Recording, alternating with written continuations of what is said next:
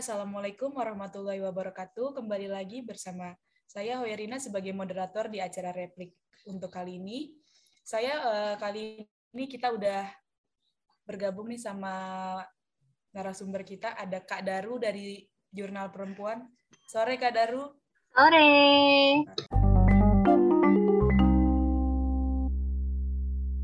Apa kabar Kak?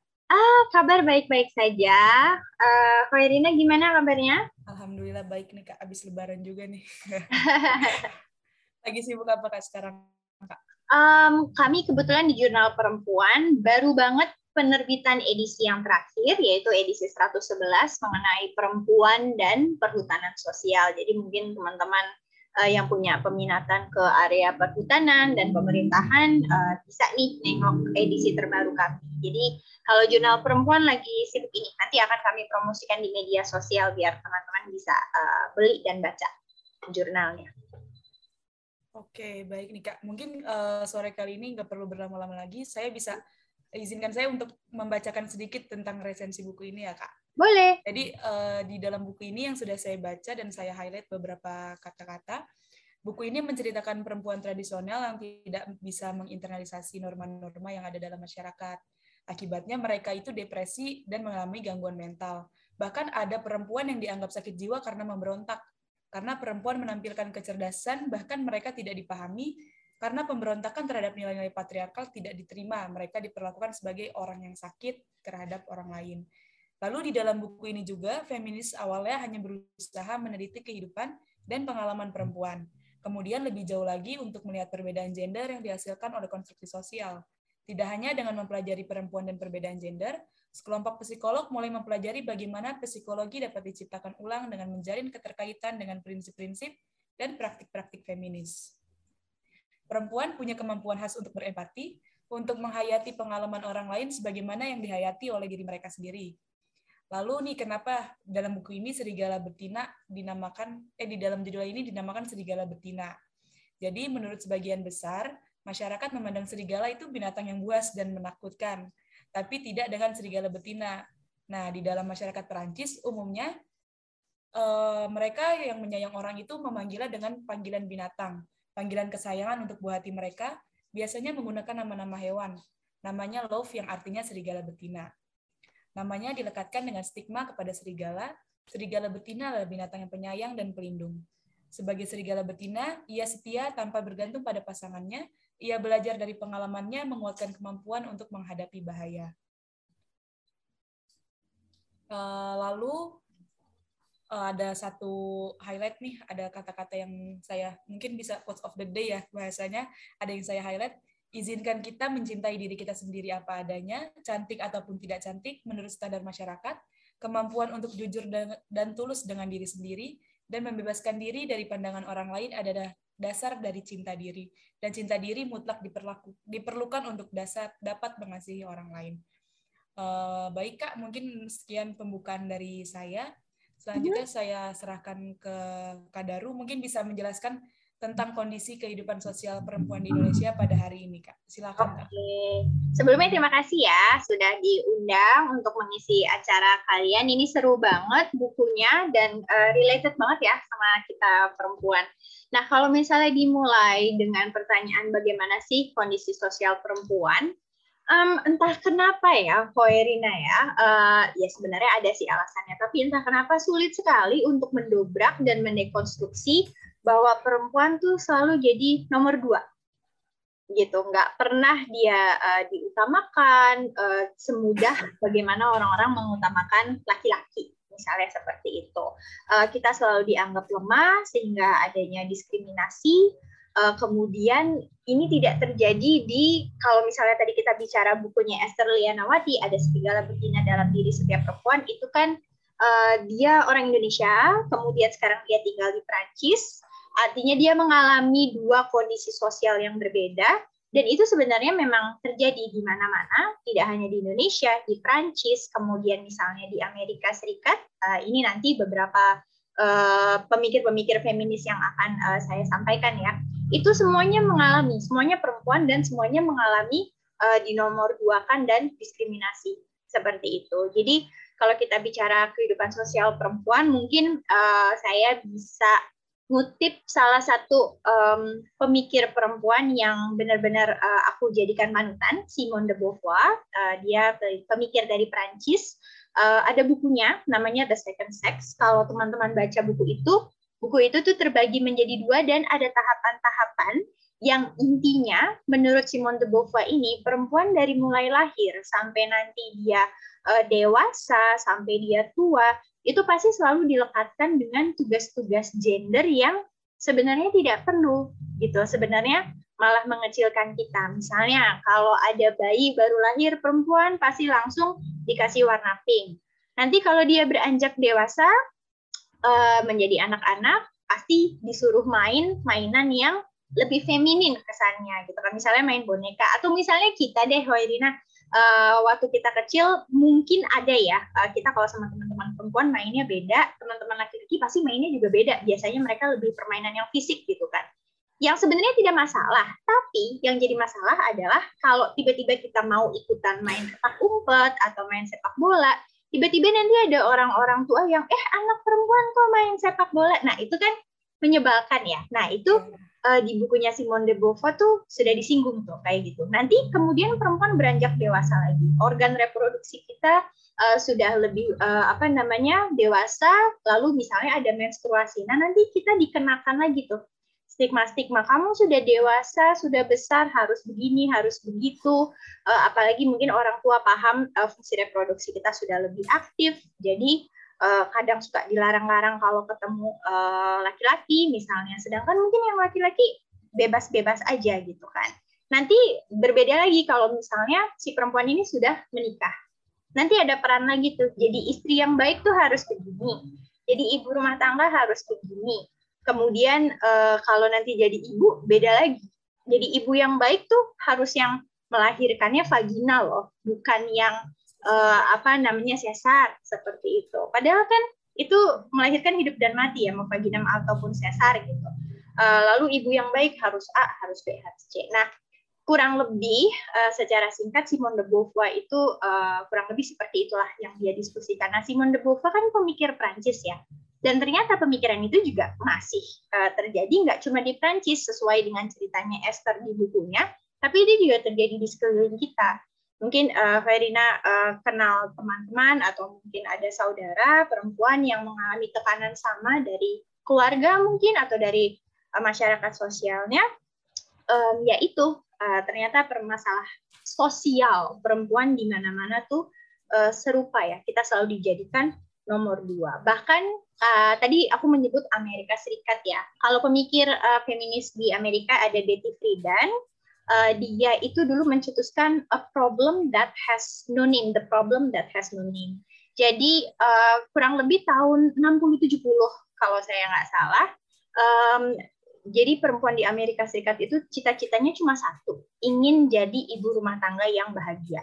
Jadi kalau teman-teman ngelihat ada iklan-iklan produk yang klasik, lucu-lucu sih sebenarnya kalau iklan-iklan Amerika itu kan khas banget ya perempuan rambutnya keriting, lipstiknya merah, terus pakai rok, pakai celemek gitu kan. Nanti ada uh, mesin cuci atau mesin uh, apa namanya pencuci piring.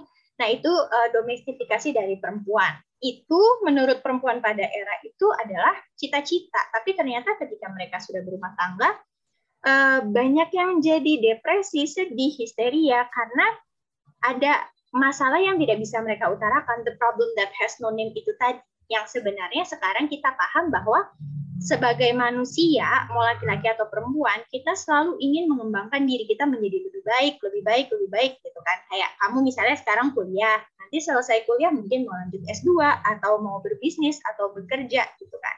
Nah, sedangkan pada era itu di Amerika Serikat, menurut kondisi sosial yang diterima adalah ya perempuan itu bahagianya menikah. Ketika mereka menikah kan terus capek ya, begitu. Tapi mereka tidak bisa mengutarakannya pada saat itu teorinya belum keluar, makanya dinamakan the problem that has no name.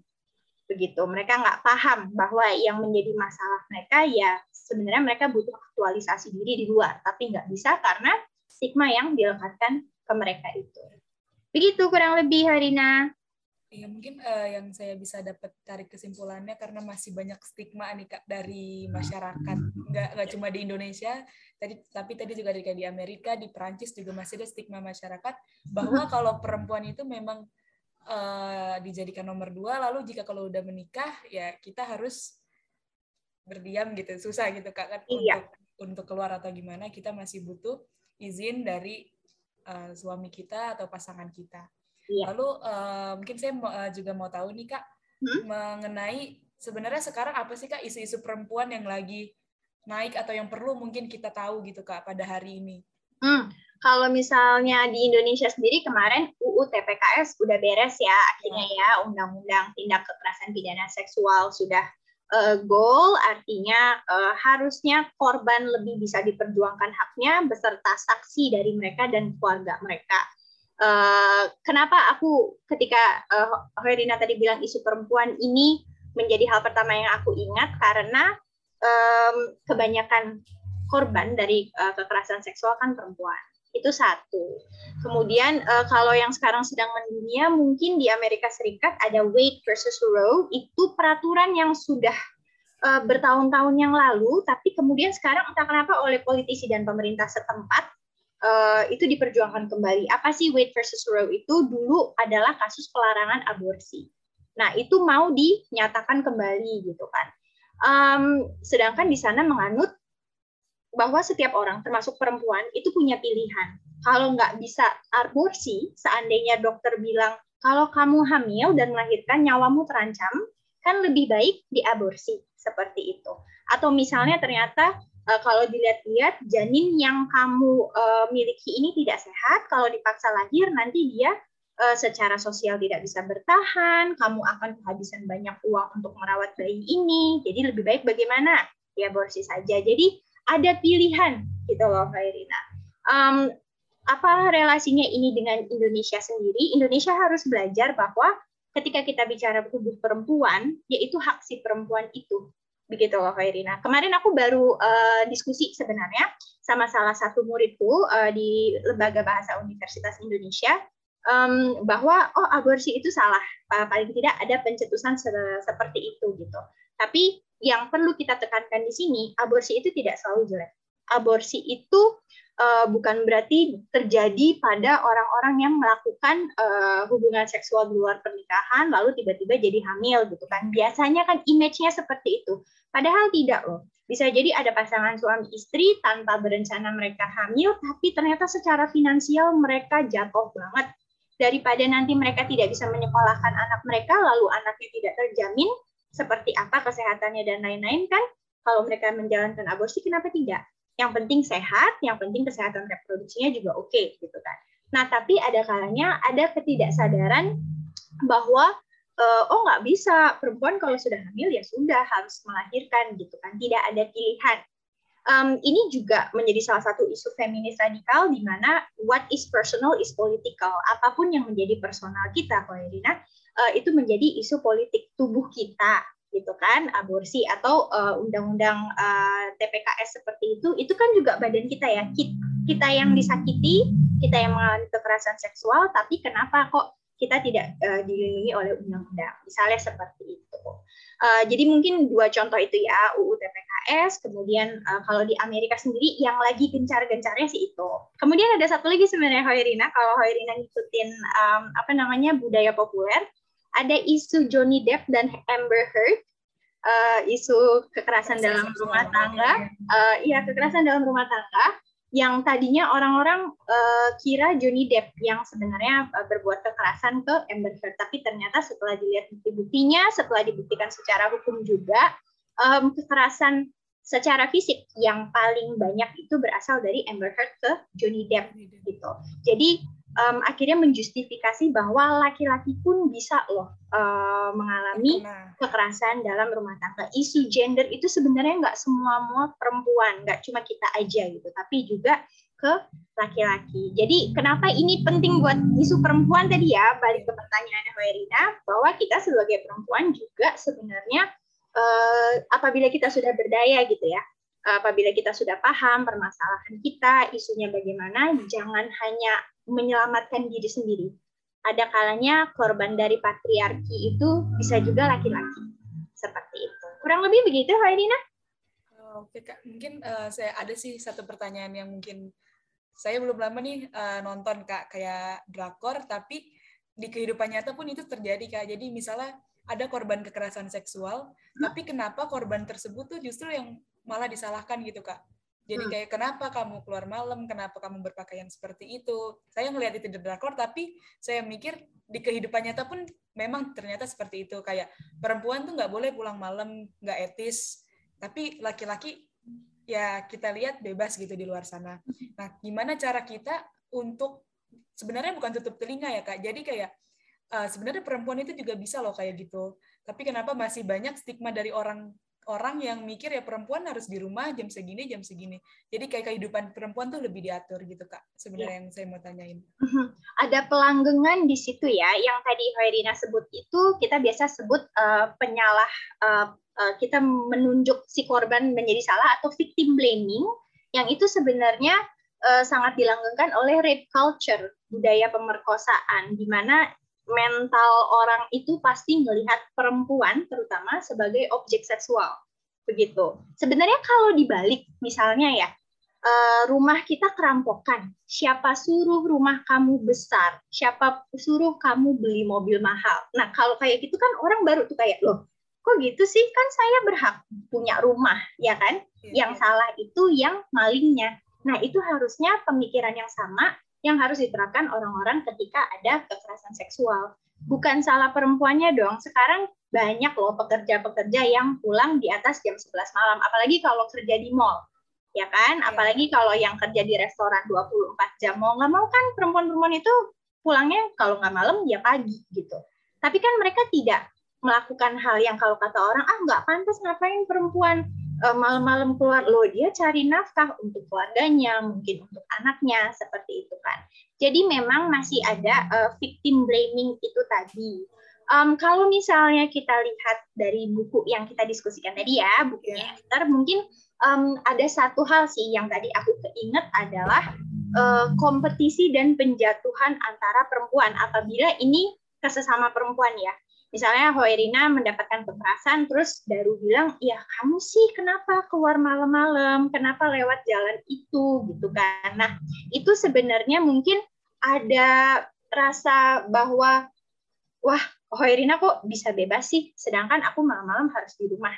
Itu mungkin mungkin ada banyak perempuan yang tidak sadar bahwa ada loh perempuan-perempuan di luar sana yang lebih ekspresif dari kalian yang mungkin juga bisa dengan bebas uh, bekerja, mencari uang lebih bebas dari kalian.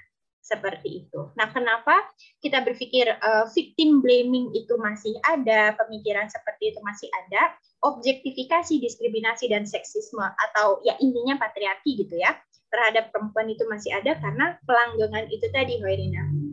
Um, yang intinya sebenarnya bisa didekonstruksi, dibasmi gitu ya dengan buku-buku yang kayak Esther Lianawati ini punya. Jadi um, bahkan sampai hari ini masih ada loh orang orang-orang yang saya kenal, terus mereka kenal beberapa orang juga gitu ya, di mana uh, mereka sudah menikah. Nah laki-lakinya nih biasanya mengekang si istri, nggak boleh ke mana-mana, kemudian di rumah juga bicaranya seolah-olah superior sekali gitu loh, seolah-olah tidak bersama pasangan. Nah, yang bahaya itu anak-anak mereka kan melihat ya Kawerina. Jadi anak-anak itu, terutama anak laki-lakinya, ada nih satu pasangan yang saya tahu, anak laki-lakinya bicaranya sudah mulai seperti bapaknya dan mengecilkan ibunya, padahal anak ini masih SD. Bayangkan ketika nanti anak ini menjadi seumur kamu, seumur saya, dia pasti akan jadi patriark berikutnya. Begitu kan?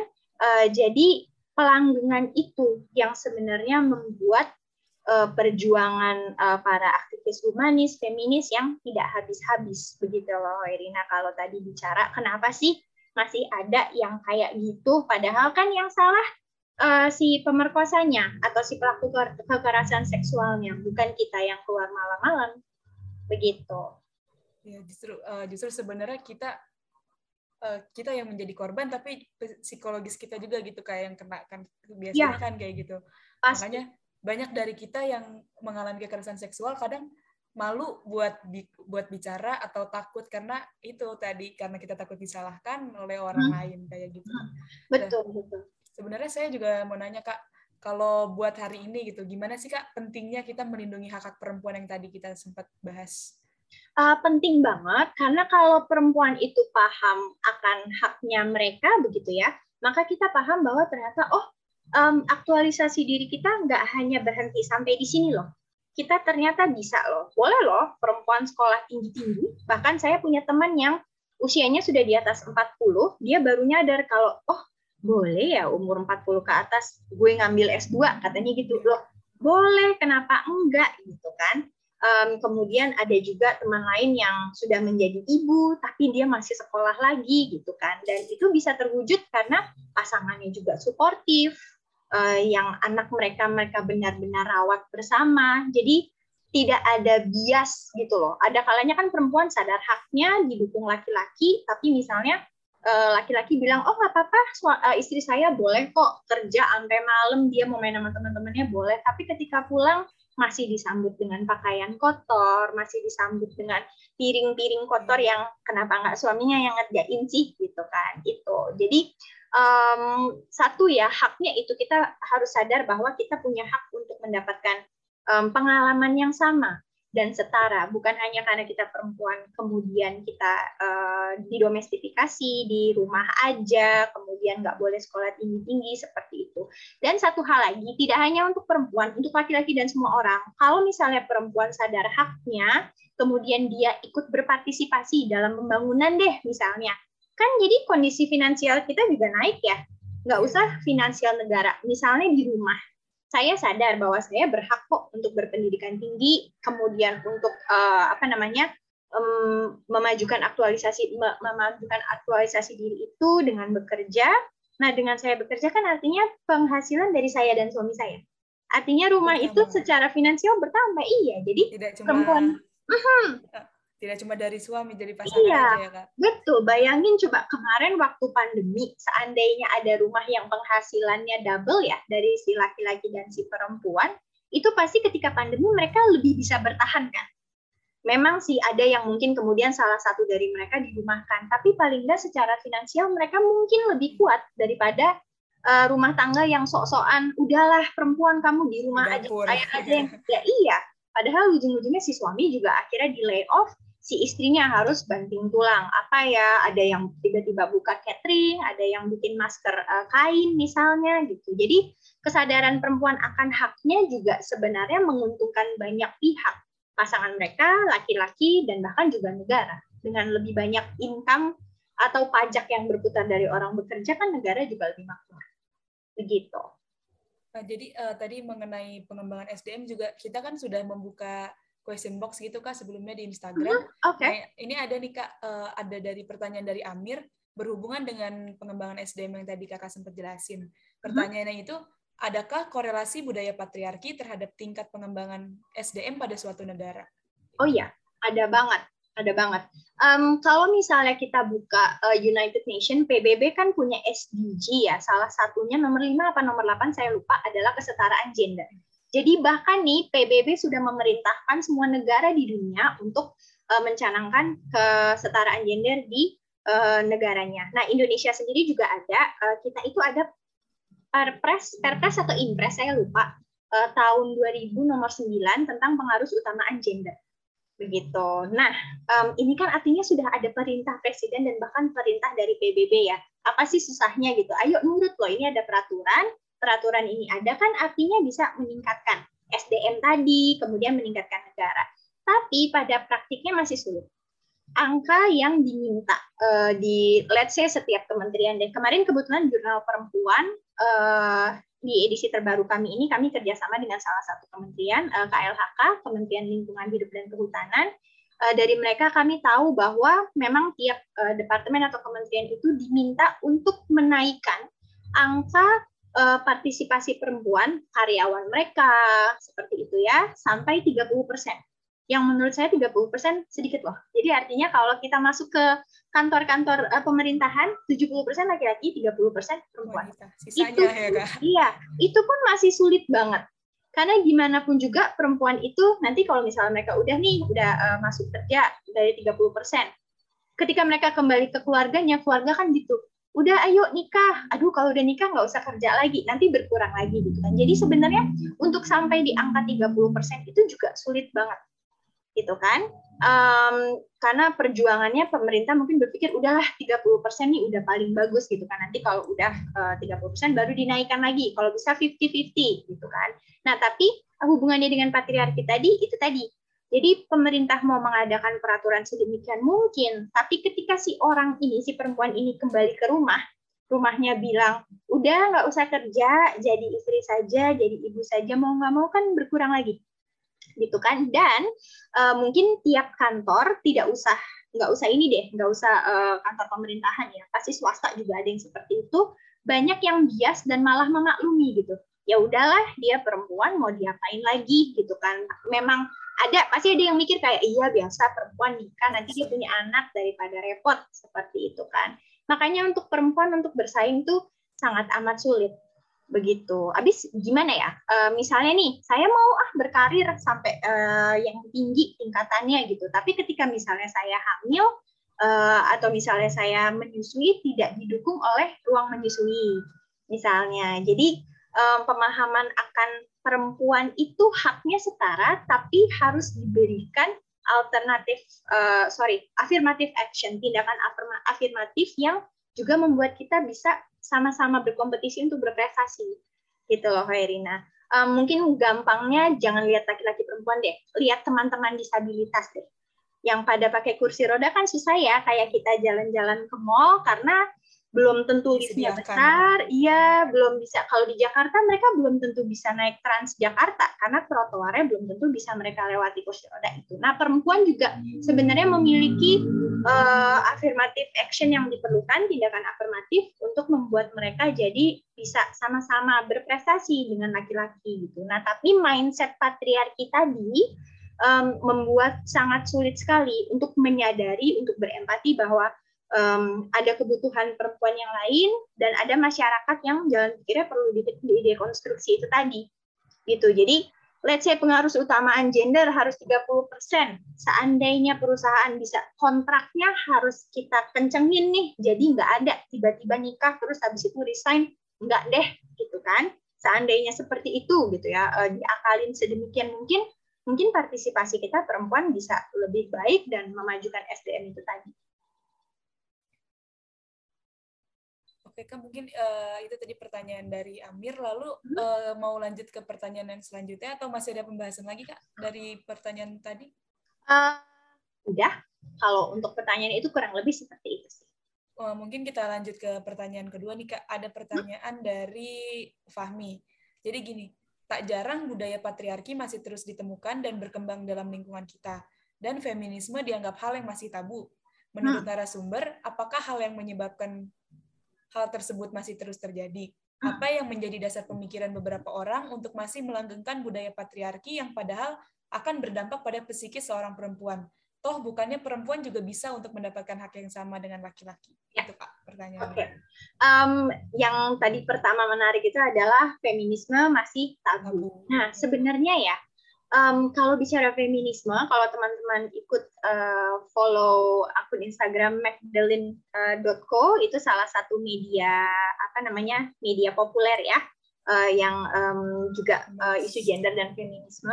Nah mereka tuh punya satu kumpulan buku namanya Her Story. Sudah bukan history lagi Her Story. Itu cerita tentang perempuan-perempuan di Indonesia dari bahkan tahun 600 sekian sebelum Masehi uh, perempuan Indonesia tuh sudah ada yang jadi sultan, sudah ada yang jadi uh, raja, uh, apalagi kalau misalnya kita bicarakan pejuang-pejuang kita ya Cut Nyakin, kemudian ada pemikir seperti Era Kartini dan yang lain-lain. Jadi kalau bicara feminisme, ide dari feminisme yang menyetarakan hak laki-laki dan perempuan dan juga semua orang itu sebenarnya sudah ada di Indonesia sejak lama namanya aja baru muncul mungkin di abad ke-19 dan itu munculnya di barat si penamaan teori itu tadi.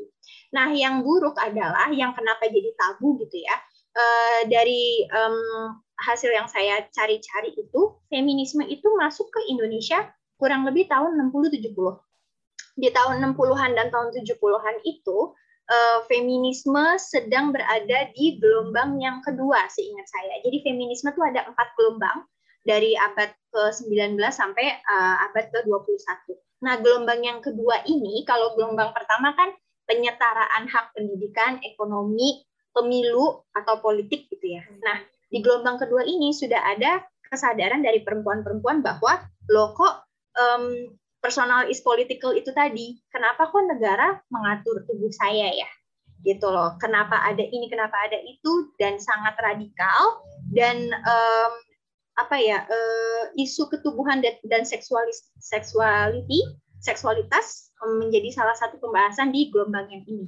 Bayangkan feminisme gelombang yang itu masuk ke Indonesia tiba-tiba langsung membahas isu ketubuhan dan seksualitas kita yang ketimuran dan kemudian walaupun dulu mungkin um, Islam tidak se, tidak terlalu banyak yang sepanatik sekarang ya tapi kan kita tetap negara yang beragama dari dulu tiba-tiba masuk feminisme di tahun 70-an yang membawa isu gelombang kedua.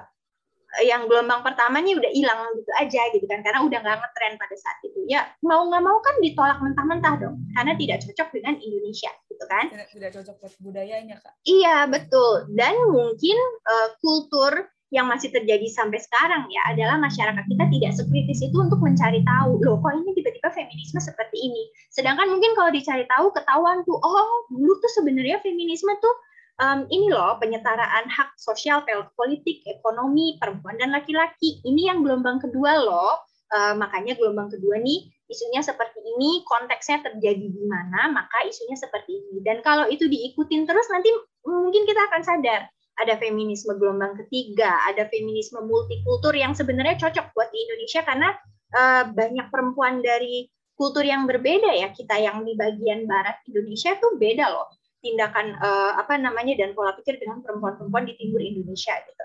Tapi mau nggak mau kan waktu itu tahun 70-an dan nggak seperti sekarang teknologi uh, informasi teknologi masuk dengan sangat amat pesat gitu ya. Kalau zaman dulu ya ya udah kita tolak hilang. Jadi itu yang masih awet nih seolah-olah pola pemikirannya gitu.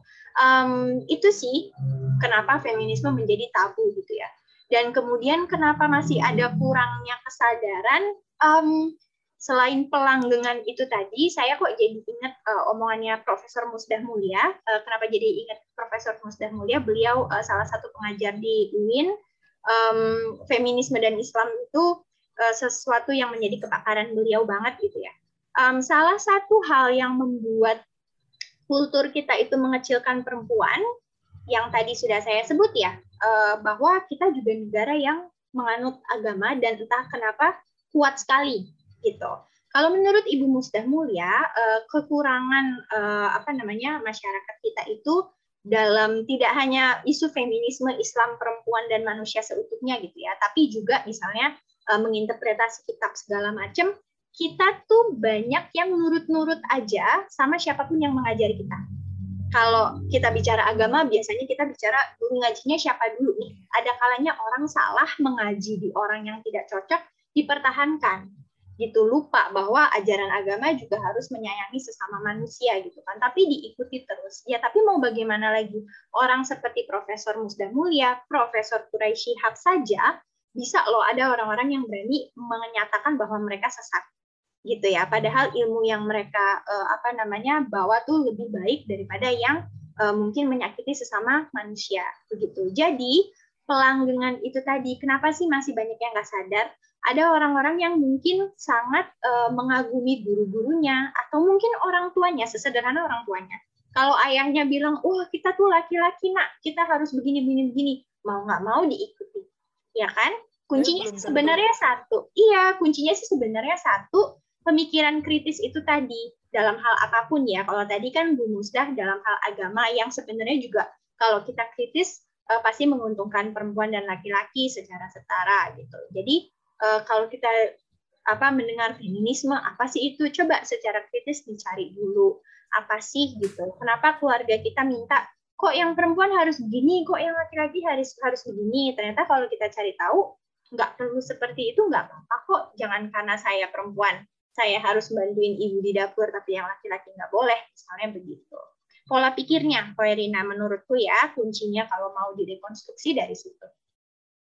Eh, karena sebenarnya kalau menurut saya juga uh, banyak gitu dari masyarakat kita yang masih menelan mentah-mentah ajaran yang mungkin ya stigma tadi menelan mentah-mentah hmm. stigma uh, zaman dulu ke zaman sekarang itu masih dipakai gitu kak ya walaupun mungkin ada beberapa yang masih uh, bisa gitu buat diterapkan di kehidupan sekarang. Cuma uh, karena menelan mentah-mentah itu tanpa melihat misalnya feminisme tuh ternyata kayak gini kayak gini. Uh, untuk kondisi sosial masyarakat juga menurut saya itu kayak gitu kak. Kenapa iya. masih banyak uh, uh, masyarakat Indonesia yang masih melakukan stigma kalau perempuan tuh ya tadi harusnya di dapur perempuan jadi nomor dua pertama itu laki-laki gitu kak. Yes, betul. Uh, lalu uh, ke pertanyaan selanjutnya mungkin bisa kak dari Fadil hmm? Menurutku, budaya patriarki tidak menjadi masalah bila budaya tersebut lebih mendekati patriarki yang universal, bahwa kemudian hak dan kewajiban perempuan dan laki-laki dibagi secara proporsional. Jika demikian, bagaimana menurut narasumber? Apakah dapat terwujud budaya patriarki yang universal tanpa melakukan revolusi kultural? Nih, kalau dari Kak Daru, gimana menanggapi pertanyaan yang ini, Kak?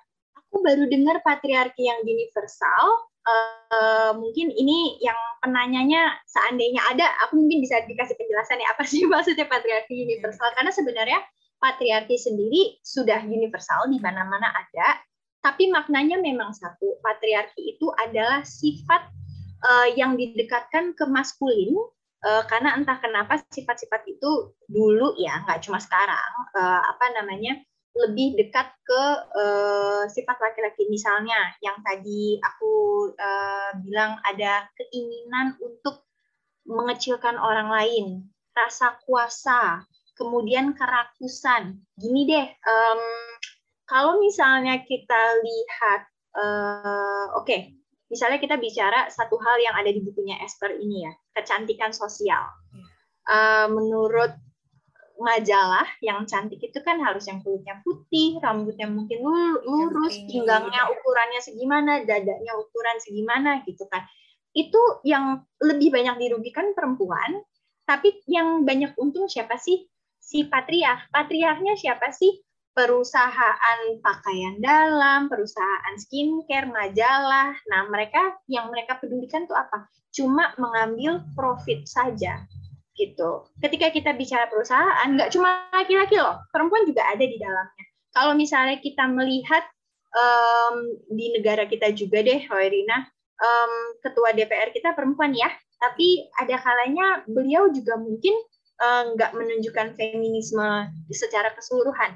Ada beberapa yang mengkritik beliau soal undang-undang ketenaga kerjaan omnibus law, misalnya itu kan beliau tidak menunjukkan sifat feminin yang dalam artian kita harus menguntungkan semua orang itu tidak seperti itu. Jadi um, kalau patriarki universal itu dipertahankan, uh, menurut saya itu ide yang sangat amat buruk karena patriarki itu selalu merugikan dan kita tidak cuma bicara perempuan loh, laki-laki juga gitu. Um, ya jadi nggak semua laki-laki pengen korupsi, rakus gitu kan, mengambil keuntungan sebanyak-banyaknya dengan uh, udahlah nggak apa-apa. Uh, semua foto model kita Photoshop badannya langsing-langsing. Yang penting produk kita laku gitu. Nggak semua laki-laki curang seperti itu. Mereka juga menjadi korban dari patriarki itu sendiri.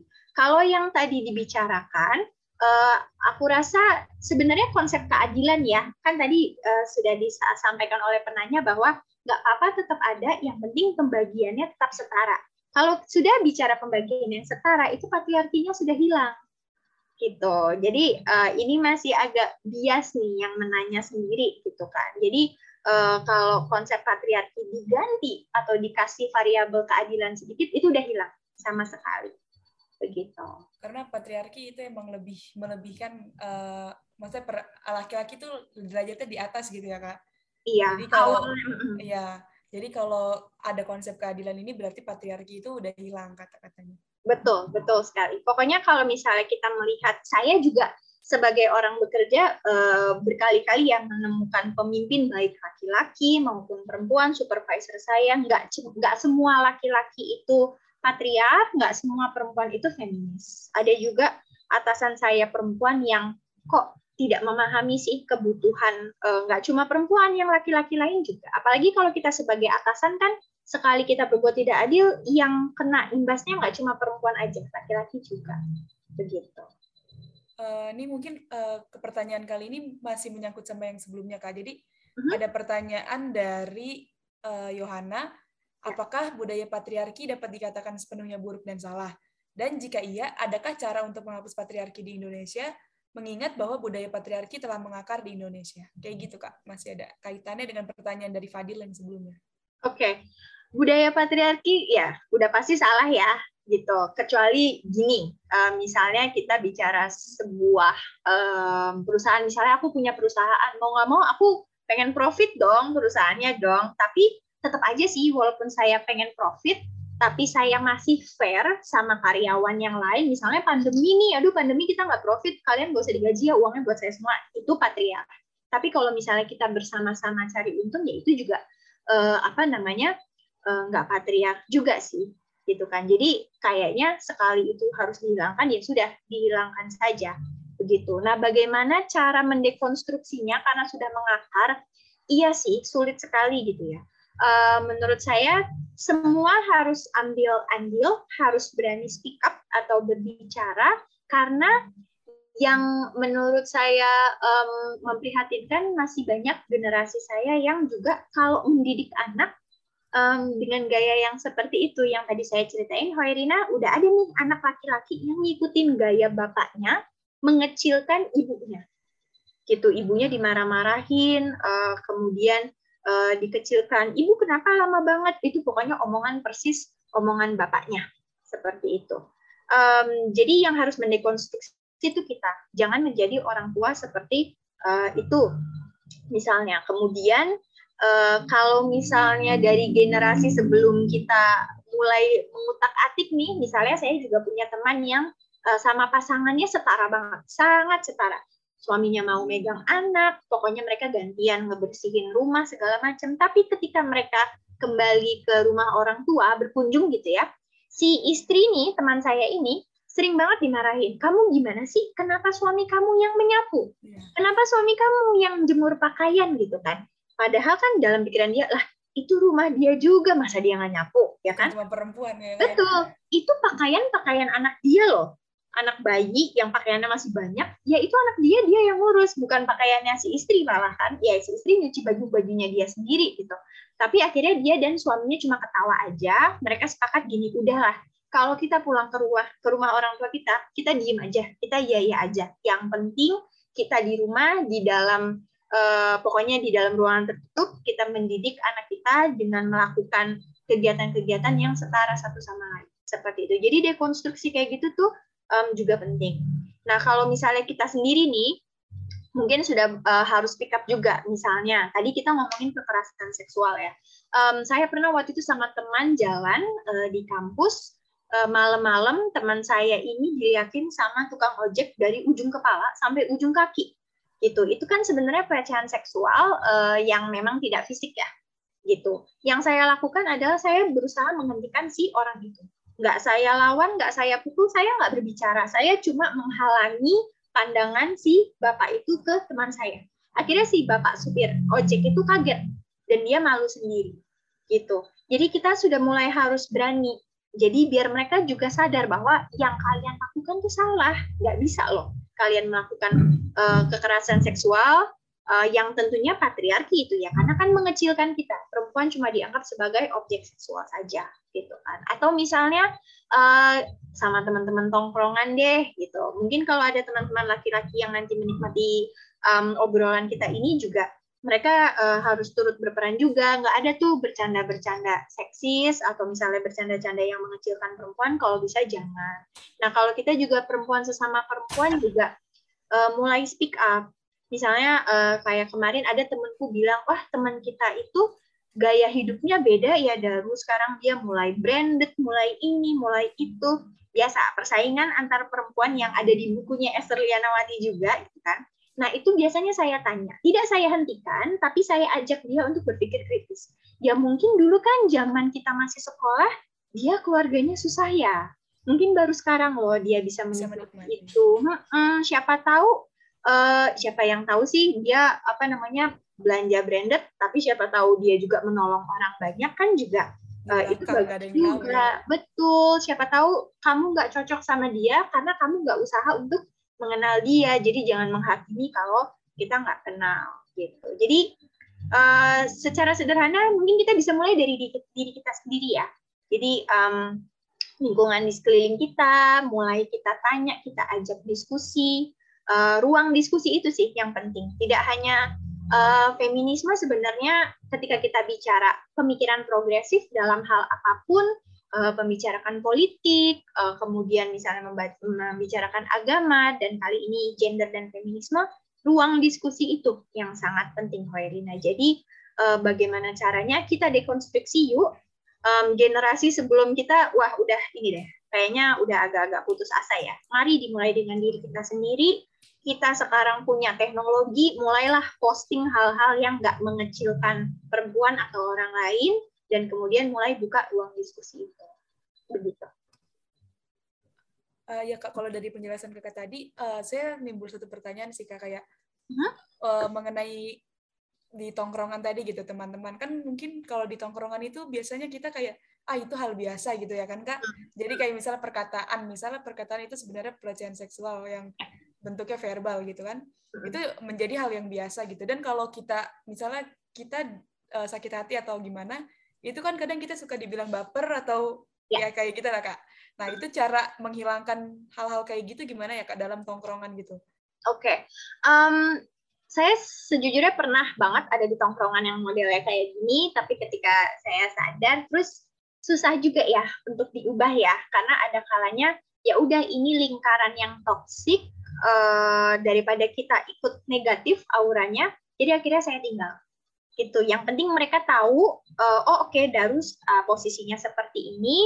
Uh, dia oposisi sama kita when it comes to uh, apa namanya bercandaan-bercandaan yang uh, ngaco dan mengecilkan perempuan uh, Daru tidak akan sepakat akan hal itu gitu. Um, kemudian kalau misalnya tongkrongan ini kemarin ada sih uh, kampanyenya Mayor of London, wali kota London. Biasanya kalau omongannya mengecilkan perempuan tuh banyak kan laki-laki ya melecehkan, terus ngomongin, eh ini ada cewek badannya bohai banget segala macam. Sebenarnya yang bisa membuat laki-laki diam tuh ada kalanya sesama laki-laki. Karena kalau kita perempuan, mereka kan mengobjektifikasi kita ya. Jadi kalau kita ngomong makin di apaan sih lo gitu kan. Tapi iya. kalau misalnya laki-laki yang bicara, nah itu biasanya mereka mau diam. Jadi uh, buat teman-teman laki-laki di luar sana, kami juga butuh loh bantuan kalian uh, untuk menjadi uh, apa namanya aliansi ya, sekutu ya. Uh, paling tidak menegur mereka gitu. Eh jangan ngomong kayak gitu dong, masa tongkrongan kita omongannya cuma yang gitu-gitu sih, omongan yang bermutu lah kayak gitu tuh. Uh, ada kalanya laki-laki bisa uh, lebih uh, membuat mereka bungkam. Kalau yang perempuan daripada itu tadi ya semakin buruk kesehatan mental kita ada kalanya uh, saya mengambil posisi untuk udah deh ditinggal aja gitu. Energi kita lebih balik untuk yang uh, lain tapi bukan berarti tidak usaha ya. Ada kalanya ayo kita usaha dulu. Tapi kalau teman-teman uh, juga masih mendominasi dan malah memberikan kita apa ya energi negatif dengan omongan yang jelek-jelek ya sudah tinggal aja begitu.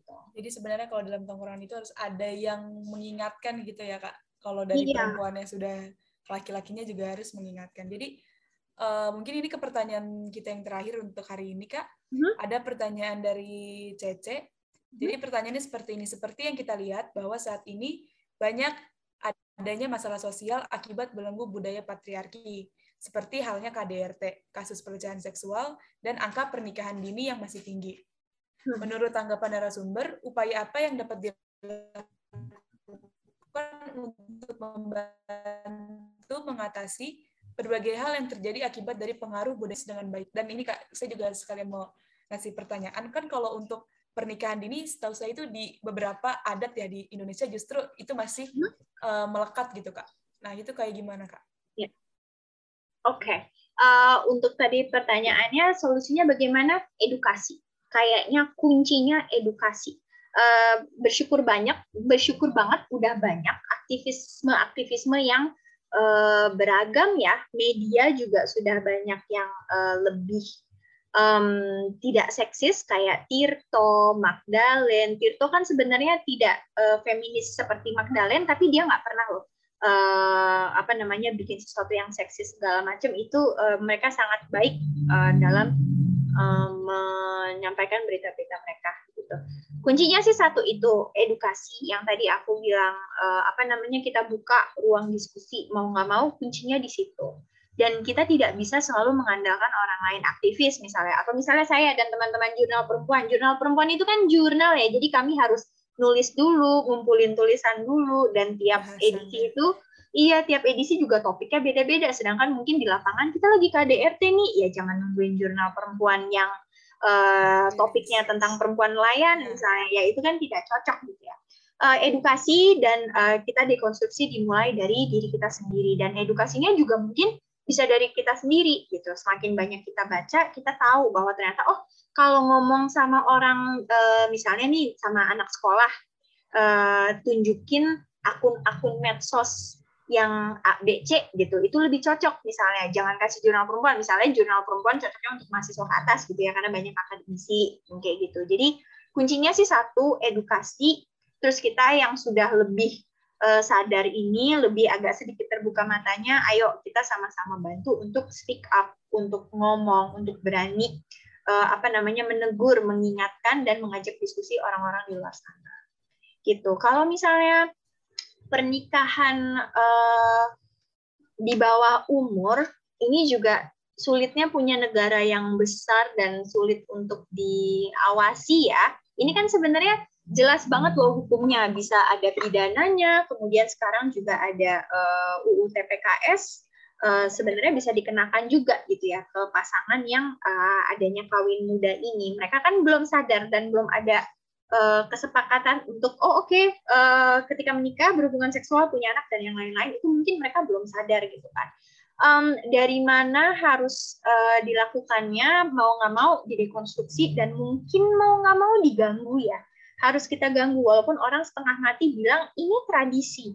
Um, ketika uh, Hoirina bilang ada pernikahan di bawah umur, saya kok inget kawin tangkap. Kalau nggak salah di Nusa Tenggara, nggak tahu yang Nusa Tenggara Barat atau Timur, saya lupa.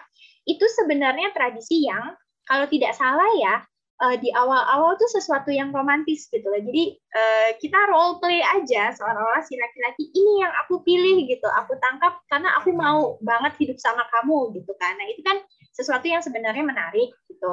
Uh, yang penting ada dua keluarga segala macam. Tapi ke sini sini itu malah jadi pelecehan seksual. Dan si perempuan ini tidak sadar uh, tahu-tahu langsung digeret dan kadang tidak hanya sama si mem calon mempelai laki-laki tapi rame-rame. Kemudian diperkosa dan yang lain-lain gitu. Karena itu kan menjadi buruk. Mau tidak mau itu harus kita intervensi. Terserah mereka mau bilang budaya atau bagaimana tapi itu harus dihentikan. Kalau mau ya itu direduksi kalau mau masih mau pakai kata kawin tangkap ya buat semacam apa ya tradisi yang disaksikan keluarga ya benar-benar ada kesepakatan nanti ceritanya kita ceritanya kamu sebagai mempelai perempuan saya tangkap ya karena saya segitu cintanya sama kamu itu bisa gitu. Jadi harus ada intervensi yang pasti. Kalau misalnya kemarin masalah kawin tangkap setahu saya intervensi itu dari peneliti jadi penelitinya mendapatkan apa, lalu setelah itu dijadikan uh, bahan untuk seminar, didiskusikan. Tapi kan pada praktiknya kita butuh orang-orang ini ditangkap, ada kepolisian, ada hukum yang bisa uh, menjerat para pelaku gitu ya. Sedangkan undang-undangnya aja baru ada kemarin. Begitu. kemarin. Betul. Iya. kalaupun misalnya undang-undangnya sudah ada, kita kan nggak tahu pemerintah daerah di sana apakah lebih pro ke pelaku atau ke korban? Kita nggak tahu ya pelaku siapa tahu anak dari pejabat setempat. Wah kalau kayak gitu udah sulit. Ya kan? Jadi mengawasinya sangat amat sulit ya. Begitu. Jadi uh, kalau kembali ke tadi bagaimana nih sama kawin anak? Uh, mau nggak mau edukasi tetap harus jalan uh, kemudian harus ada intervensi sebenarnya peneliti mungkin semakin banyak turun ke jalan walaupun tidak selalu membawa hukuman uh, secara legal untuk pelaku ya tapi mau nggak mau kan mereka jadi jengah ya. Aduh udah deh uh, kita sudahi saja praktik ini. gitu ya, betul terusik. Kemudian nanti kita di apa namanya publikasikan di jurnal-jurnal ilmiah gitu kan bahwa ada kekerasan seksual seperti ini. Begitu. Mau nggak mau sih begitu. Dan satu lagi yang perlu disadari, ada kalanya kawin anak ini finansial juga ya, Herina. Jadi mungkin si orang tua ngerasa, aduh ada uang, tapi uang buat saudara kamu yang laki aja lah untuk sekolah lanjut SMP SMA, kamu kawin aja gitu kan. Seandainya mereka punya uh, apa ya um, kondisi finansial yang memadai, mungkin dua-duanya disekolahin gitu kan jadi tidak usah uh, yang harus kawin terpaksa segala macam gitu kan jadi kondisi ekonomi juga itu kan tidak bisa dari kita ya. Uh, harus ada analis ekonomi harus ada uh, perhatian dari negara juga seperti itu. Kalau yang bisa kita lakukan mungkin uh, speak up-nya gimana nih? Tadi kan Daru bilang ayo dong kita mulai bicara gitu kan. Mulai kita uh, interupsi gitu kan. Gimana caranya? Ya teman-teman nggak uh, usah ikut tim peneliti. Kalau misalnya tidak memungkinkan nulis aja mulai nulis atau mungkin mulai repost repost di Instagram, duh ada postingan ini nih eh, nggak boleh banget perkawinan anak gitu kan. Jadi uh, pelan-pelan kita bikin viral walaupun cuma ke peer group kita aja, tapi orang jadi sadar. Siapa tahu kan dari lima viewers kita salah satu ada yang memang nantinya jadi peneliti, kemudian bisa turun ke jalan, atau mungkin nanti mereka bisa dapat uh, bikin perubahan yang lebih besar lagi. Atau teman-teman bisa menulis untuk media populer kayak si uh, apa namanya Magdalene itu tadi atau sesederhana podcast yang lagi kita lakukan ini juga sudah edukasi sebenarnya Wirina. Jadi hal kecil apa pun yang kita lakukan mungkin bakal jadi hal yang besar gitu betul. ya Betul. Iya, betul. Karena kalau kita pesimis, aduh susah, patriarknya banyak, ya gimana dong? Yang perempuan aja kalau jadi pemimpin kadang juga rakus.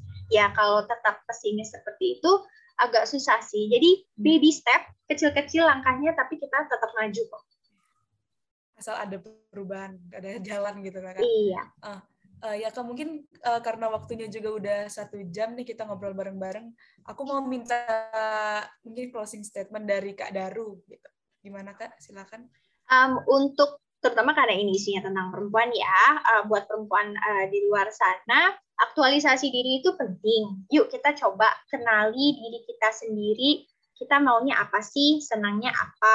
Uh, jangan selalu nurut apa kata masyarakat sosial, selalu dikritisi siapa pun yang berbicara dengan kita, terutama orang tua kita juga ya, karena mungkin itu yang paling dekat, tetap harus loh kita pikirkan ulang. Kenapa uh, kok ada permintaan saya begini, saya begitu, sedangkan yang saya sendiri mau apa gitu kan dengan kita sudah paham diri kita, aktualisasi diri, kita juga bisa ngebantu empowering atau memberdayakan teman-teman lain, perempuan-perempuan lain. Jadi uh, nanti lama-kelamaan uh, kondisi kita jadi lebih baik lagi. Begitu. Uh, ya mungkin uh, sekian closing statement dari Kak Daru. Sama ada kata-kata juga dari saya untuk mengakhiri podcast kali ini. Uh, dari jadi dalam buku ada serigala di setiap diri perempuan itu. Serigala juga membimbing anaknya untuk mandiri, untuk mampu melindungi dirinya sendiri. Di sini Esther melihat kesamaan antara perempuan dan serigala betina, yaitu memiliki penginderaan yang tajam, intuisi kuat, kepedulian terhadap sesama, keberanian, kemampuan beradaptasi dalam berbagai situasi dan kondisi. Terima kasih Kak Daru. Terima kasih juga Wairina dan teman-teman lain. Jangan bosan-bosan ya ngajak aku diskusi. Iya Kak, terima kasih sudah mau meluangkan waktunya nih Kak buat podcast kali ini. Sehat-sehat Kak Daru. Iya, sehat-sehat juga Wairina dan teman-teman.